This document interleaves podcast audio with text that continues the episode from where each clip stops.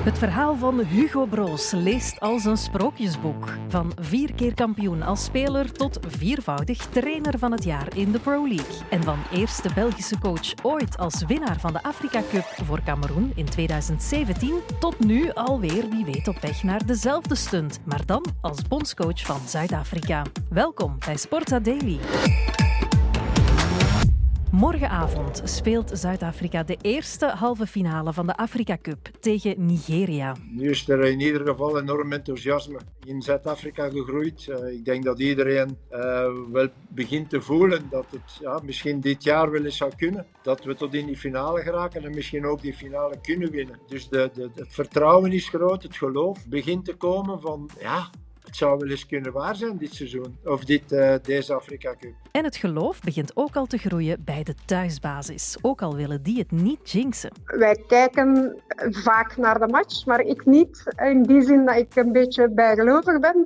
Ten tijde van Cameroen heb ik geen enkele match gekeken. Heb ik uh, gewoon boven op een kamertje gezeten, op het gemak een boekje gelezen of geluisterd naar de radio. Um, dus deze keer trek ik hetzelfde door. Kijk ik dus geen enkele match. Ga ik eigenlijk volledig weg van alles. Uh, zet ik mijn gsm op, de tv, de radio. Uh, ga ik mij gewoon op mijn gemak ergens zetten. En eigenlijk nadien hoor ik meestal door het getier van mijn jongste dochter die het wel volgt van oké, okay, het is gelukt, maar ik kijk geen enkele match. Gewoon uit bijgeloof. Ik praat met zijn dochters Elke, die je net hoorde, en Kaat. Uh, Kaatje eigenlijk. Maar ook met Sven van den Broek, die zijn assistent was bij Cameroen, ten tijde dus ook van de Afrika Cup winst in 2017.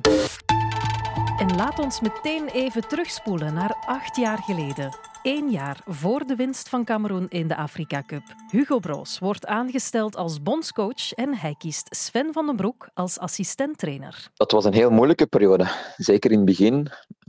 Er was heel veel kritiek op onze benoeming of op de benoeming van Hugo als, als bondscoach.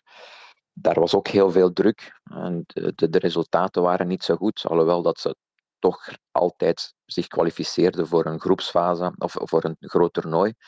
Maar de resultaten op de toernooien waren niet goed. Dus daar stond heel veel druk op, heel veel kritiek. En dan zijn we eraan begonnen met een, een verhaal van oké, we zien wel waar, waar we stranden. De eerste keer dat we samenkomen, dan hadden we eigenlijk ons gebaseerd op de laatste selectie.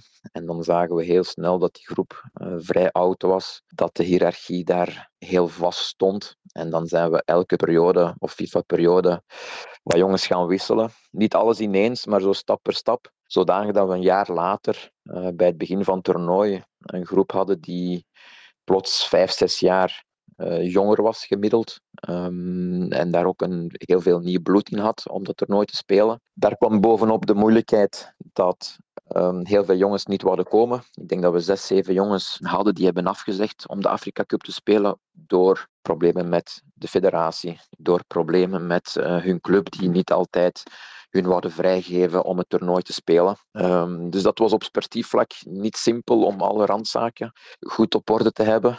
Um, ook qua organisatie en logistiek was het niet altijd uh, top.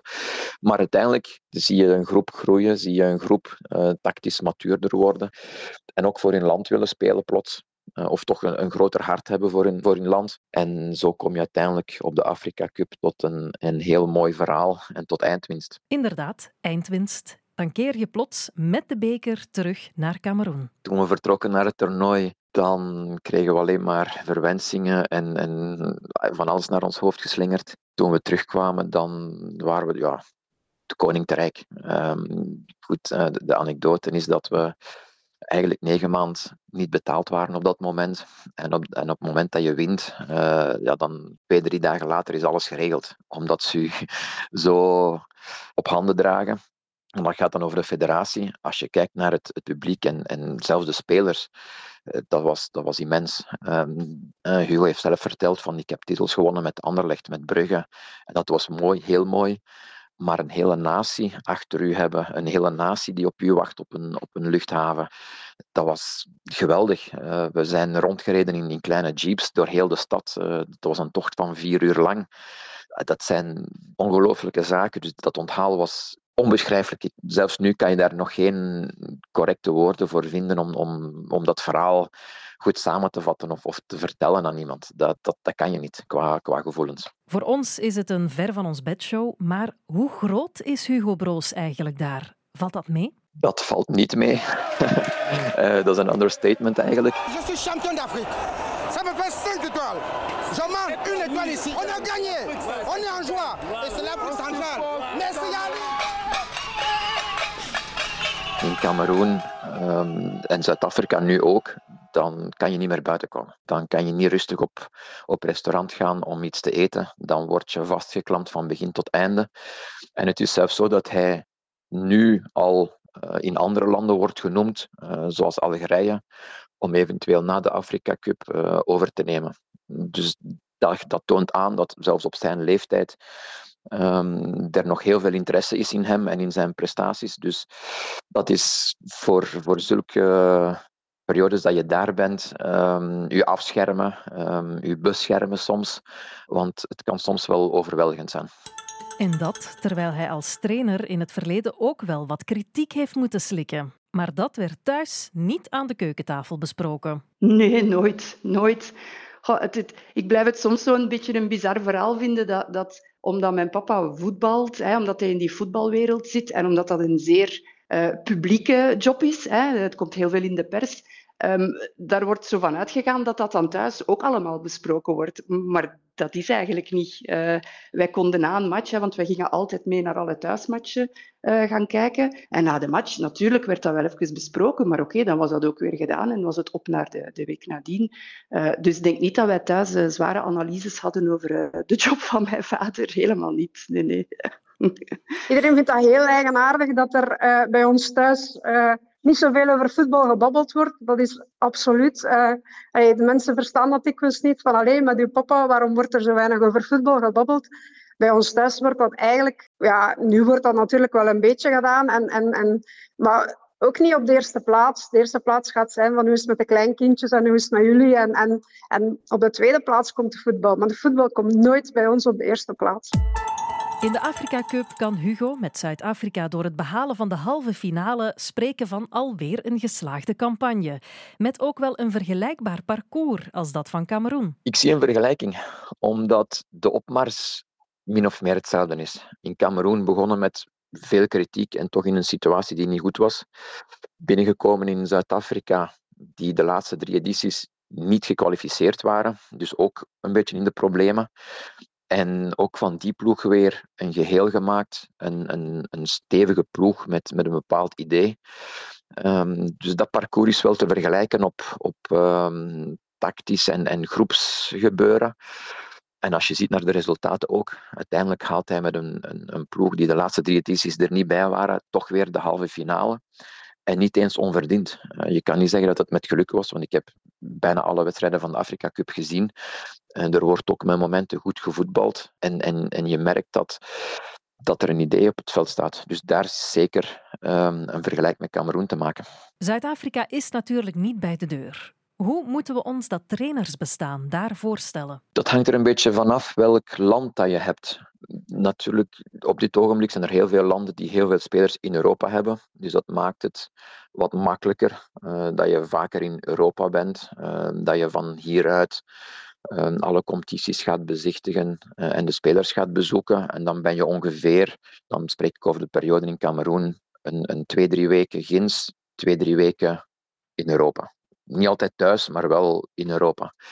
Als je een land hebt als Zambia um, of, of zelfs nog Egypte en Zuid-Afrika, zoals Hugo nu heeft, dan ben je veel meer ginds, omdat die selecties bestaan nog uit 80% en zelfs meer um, uit spelers die nog in de lokale competitie zitten. En dan ben je natuurlijk verplicht om ginds bijna alle wedstrijden te gaan kijken. En dan ben je toch wel heel veel ginds. Dan zou ik zeggen dat je bijna eh, van de 12 maanden een goede 8, 9 maanden ginds bent. En misschien drie maanden in Europa, omdat er één een, een kleine verlofperiode is, of omdat je één of twee, drie spelers hier in Europa gaat bekijken. En dat terwijl Hugo Broos toch ook alweer 71 jaar is. Een leeftijd waarop de meesten genieten van hun pensioen. Goed, Cameroen was een beetje uit revanche. Had ik toch het gevoel ten opzichte van, van België dat hij hier moeilijk nog aan de slag kon. En dat hij een beetje links was laten liggen. Dus dat was één, maar toen was hij nog, nog een acht jaar jonger. Op dit ogenblik, uh, Zuid-Afrika, denk ik omdat het een, een mooie uitdaging was en omdat een Afrika Cup spelen echt wel speciaal is. Dat hebben we toen meegemaakt. En dat, dat opnieuw doen, welke leeftijd dat je ook hebt, dat zijn leuke, leuke momenten, leuke toernooien.